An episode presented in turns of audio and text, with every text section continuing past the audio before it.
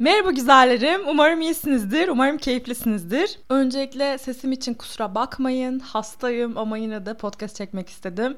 Arkadaşım bana güzelce çorba yaptı. Giderken de bana 5 kilo kadar bir mandalina hediye etti. Eşi Mardin'den de dibek kahvesi ve badem şekeri getirmiş. Sağ olsun bana da bir tane getirmiş ve hediye ettiler. Çok mutlu oldum ve bu mutlulukla birlikte sizlerle de biraz sohbet etmek istedim.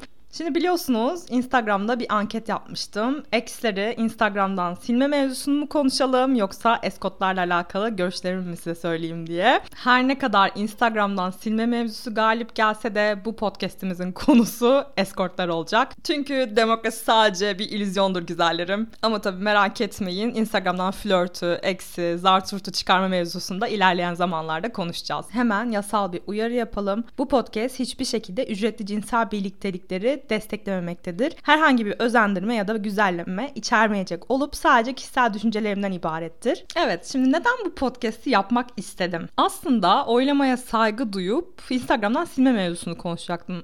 Fakat bu anketten sonra bana bir güzelliğin mesaj attı. Mesajın içeriği Femoş, eskort mu kaldı ya? Herkes özgürce sevişiyor. O yüzden eskortun karşısında ne varsa o kazanacak bence diye bir mesaj. Bu aslında erkek düşünce sisteminden çıkma bir mesaj. Ve bunun üstüne bazı şeyleri podcast üzerinden netleştirme ihtiyacı duyuyorum. Çünkü günlük hayatta özellikle de bu hesap ödeme mevzusunda bile erkekler konuyu eskort musuna getiriyor. Ya da mesela siz şey istiyorsunuz, evlenmek istiyorsunuz. İşte bir imzaya bakıyorsunuz. Ya bu tarz manipülasyonları hedef alarak size bazı şeyleri anlatmayı çok seviyorum. Çünkü bakış açınız değiştikçe bu tip manipülasyonlara karşı daha fazla dirençli oluyorsunuz. Dilerseniz hemen başlayalım. Öncelikle eskortun ne demek olduğunu bilmemiz gerekiyor.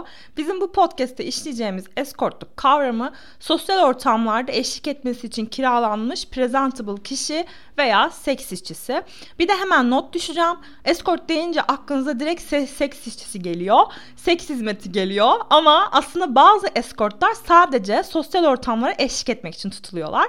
İşte yemek yemek için, misal işte rakı sofrası, eğlence mekanlarına eşlik etmek. Artık kadınla gidilebilecek neresi aklınıza geliyorsa kızlar.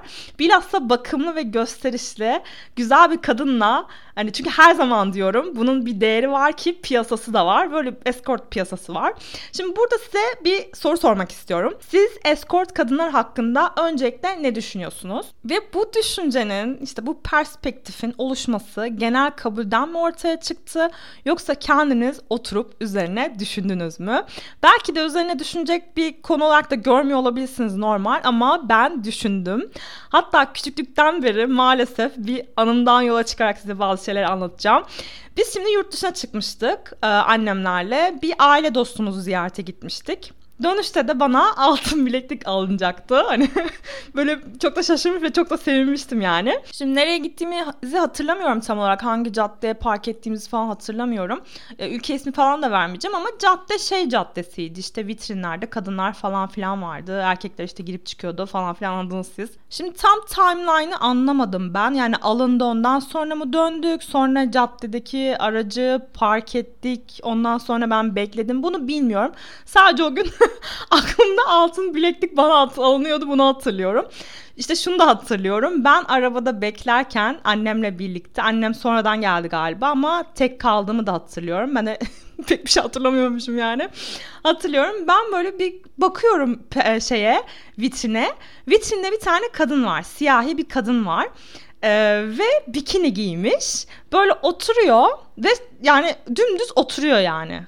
Ve ben şey hani başlarda şey dedim hani bunun, bu ne yani niye ot acaba bikiniyi bu şekilde bikiniyi bu şekilde mi tanıtıyorlar falan. Sonra annem bana şey dedi hani bakma tarzı bir şey söyledi. Sonradan mı geldi onu hatırlamıyorum.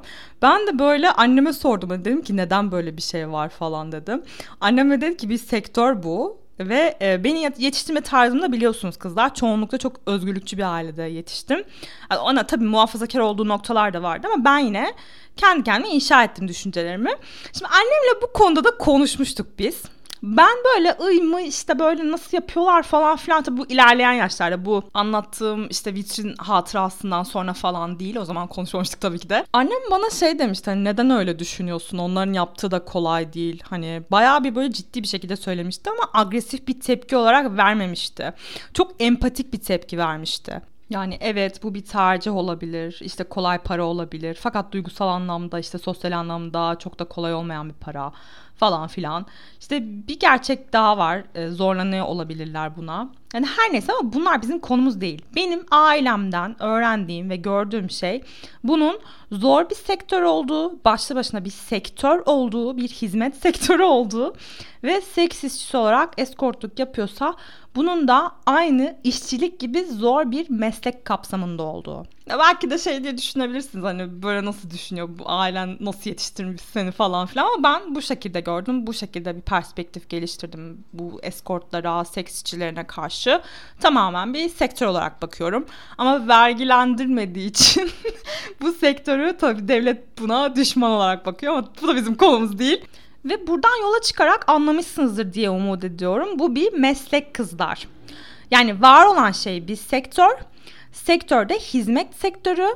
İşte bu sırada benim tetiklenen tarafım hani bu mesaj atıl, atıldığında benim tetiklenen tarafım herkesin seks yapması yani seks yapma fiili ve ulaşılabilirliği bu sektörde verilen hizmetle bir değil.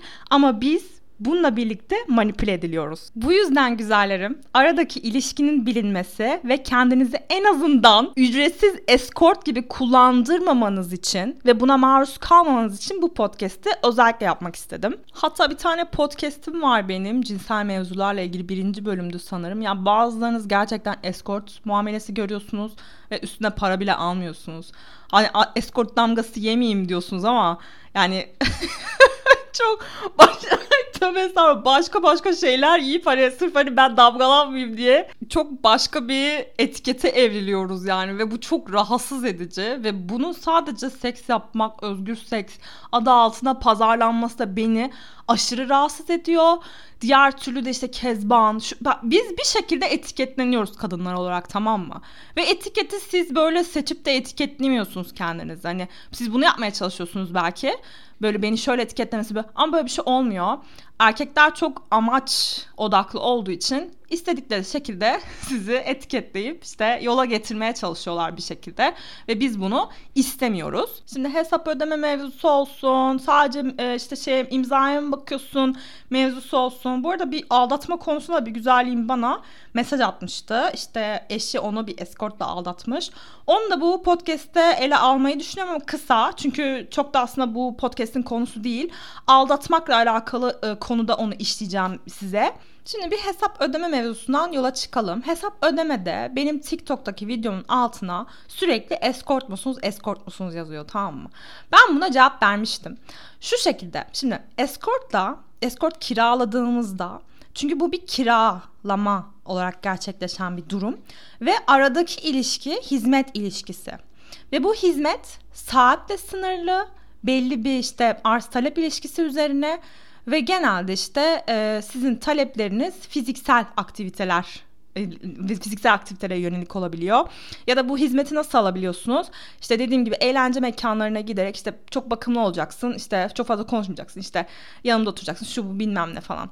Belli bir hizmet ortada e, herhangi bir duygusal alışveriş ve romantik ilişki yok. Belli bir saat ve bu saatin üzerine fiyatlandırma var. Yani değer alışverişi yine ve her şey belirli. Ve erkekler ve eskort musun derken aslında sizi şöyle düşünmeniz gerekiyor. Ya ben sana kalbimi veriyorum. Kalbimi verme olasılığını veriyorum. Bunu gösteriyorum. Ve biz seninle sevgili olursak, eş olursak, partner olursak seninle romantik bir ilişki kuracağız. İşte aile kuracağız. Ben sana aile vereceğim. Genelde böyle kadınların değerini bilmeyen erkekler bu tarz karşılaştırmaları yapıyor zaten. Böyle bir karşılaştırmaya eğer maruz kalırsanız zaten o konuşmayı direkt bitirin. Ama yine de düşünce tarzı hani kafanızda bazen şey oluyor işte öyle mi böyle mi falan diye sürekli düşünüyorsunuz. Bu düşünceleri tıkamak için konuşuyorum burada. İşte aile vereceksiniz. Bu ihtimaller dahilinde birini seçiyorsunuz sonuçta. Ve siz bir hizmet, bir fiyat vermiyorsunuz. Siz kendi zamanınızı veriyorsunuz ve en önemlisi de bir kadının verebileceği sadakati veriyorsunuz. Ve eskortlar için yani bir fiyat, bir zaman hani bu tarz aralıklara hitap eden yani kendi kitlesine hitap eden herkesle görüşme e, imkanları var yani. Çok fazla seçici davranmıyorlar. Bazı eskortlar tabii ki de davranıyor ama seçicilikleri genel olarak fiyat aralığı şeklinde gelişiyor. Tabii ben bu sektöre hakim değilim. Eğer varsa aranızda yazabilir bana. Ee, her neyse yani siz her size ilgi verenle de birlikte olmuyorsunuz. Her size yazanla da işte yazana dönüp de onunla oturup kalkmıyorsunuz. Ve sizin verdiğiniz şey bir eskortla karşı yani eğer öyleyse erkek nazarında siz sadece bir objeden ibaretsiniz. Yani bunu aslında ele veriyor erkek. Yani iki ilişki türünü de bir gören bir erkek size hiçbir şey katmaz kızlar. Yani eğer o bazda siz değerlendiriyorsa sizden sadece belli bir aktivite istiyordur. Bunu da ücretsiz bir şekilde sağlamak istiyordur. Çünkü erkekler bu tarz şeylerde çok ekonomik davranmayı seven canlılar. Özellikle de fakirlerse yani fakirlerse de paraları yoksa yani kendi kıt kaynaklarıyla daha fazla kaynağa ulaşmak için bu tip manipülasyon işte onlara göre bence marketing taktiklerini yapabiliyorlar. Sizi duygusal anlamda manipüle edebiliyorlar. Siz de şöyle tetikleniyorsunuz. Hayır ben escort değilim. Ben kendi paramı kendim öderim. Böyle bir şey yok kesinlikle. Bu konuyu burada kapatıyorum. Çünkü başta ilişki türü bir değil. Orada bitti. Yani orada artık e, sizin başka bir şey düşünmenize gerek yok. Sizin bu ilişkiye kattığınız değerler bir eskortun kattığı değerlerden çok farklı. Eğer bu değeri anlamıyorsa ve sizden sadece yanında böyle işte e, herhangi bir ücret ödemeden ya bir de şey de söyleyeceğim bu arada hani şimdi siz biriyle konuşuyorsunuz diyelim ben bunu TikTok'ta da paylaşmıştım. Hep de böyle sorduğunuz zaman işte hiçbir zaman eskortlara para vermeyen, hiç hayatına eskorta gitmemiş, işte hiç hani e, parayla bir şey tabii ki de size böyle diyecek. Ne diyecek yani size ben hayatım boyunca eskorta gittim ya da işte hep eskortlarla birlikte oldum ya da arada sırada eskort çağırıyorum falan filan mı diyecek. O zaman ne oluyor? İşte avını kaçırıyor. Niye? Çünkü kendinizi keriz gibi hissedebiliyorsunuz. İşte ben, bana hiçbir bedel ödemiyor falan gibi. Bedel bu arada sadece nakit para değil yani ne bileyim kendi belirlediğinde yemeğe bile çıkartmıyor. O zaman ben eskort, eskortum ve ücretsiz eskortum bana bu muameleyi yapacak. Ve hani ben sırf eskort olmamak için eskort gibi görünmemek için hani eskort eskort bile olamayacağım. Bu şekilde yani gerçekten erkekler tamamen ekonomik anlamda hareket ediyorlar. Bu tarz pazarlama taktikleri yapıyorlar ve bunlara karşı çok dirençli olmanız gerekiyor. Artı erkeklerin her durumda size doğru söylediği kabulünden uzaklaşmanız gerekiyor. Özellikle de yani bu tarz muhabbetlere giren erkeklerle zaten e, mu- muhabbet etmeyin. Ama ettiyseniz de ve şu an kafanızda mesela o muhabbetler varsa bu muhabbetleri şöyle düşün hani hiç ilgilendirmiyor beni. Çünkü bana zaten söylemeyecekti. Hani siz sormuşsunuzdur belki çünkü çünkü ablanız sormuştu zamanında hiç eskorta gittim falan filan diye sormuştu. Sormayın tabii ki de ileriki ilişkilerinizde, ilişki ihtimallerinizde. Ama geçmişte de sorduysanız ve e, bu tarz olumsuz geri dönüşler aldıysanız şunu bilin ki tabii ki de söylemeyecek yani size. Ya da böyle sevgiliyseniz belki sorabilirsiniz ama ilk başlarda hiç kimse size do- dürüst davranmayacak yani. Yani erkekler arası farklıdır ama bir erkeğin bir kadına işte ben genelde işte böyle parayla birliktelik yaşıyorum falan demesi kendisi için üzücü bir şey ve bu şekilde şey yapmak istemiyor. Hem sizi kaçırmak istemiyor hem de yani ben eziyim şeyinden kurtulmak istiyor. Kimseden bu anlamda dürüstlük beklemeyin diye tavsiye ediyorum size ve sormayın zaten bunu. Sadece sorduysanız ve kafanızda hala bu varsa bunu direkt silin yani. Burada karşı taraf size söylemeyecek kesinlikle şöyle yaptım böyle yaptım tarzı bir şeyi. Ve bu konuda böyle aşırı tepki verenler genelde şey mesela fiyatta hep pazarlık yapan tipler olabiliyor. Yine de siz dikkat edin kızlar.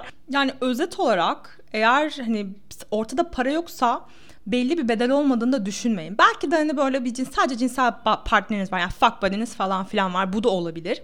Bir duygusal bedel ödüyorsanız ve sırf böyle hani ne bileyim işte takılmak istiyorum. Ya ben her zaman diyorum takılmak sadece takılabiliyorsanız takılabilirsiniz istediğiniz gibi bu size kalmış ama ben kadınların sadece takılabileceğini düşünmüyorum. Özellikle de bir kişiyle ve ilerleyen zamanlarda bir duygusal bedel ödüyorsunuz. Kendi üzerinize duygusal bedel ödemeseniz bile toplumsal bir bedel ödüyorsunuz.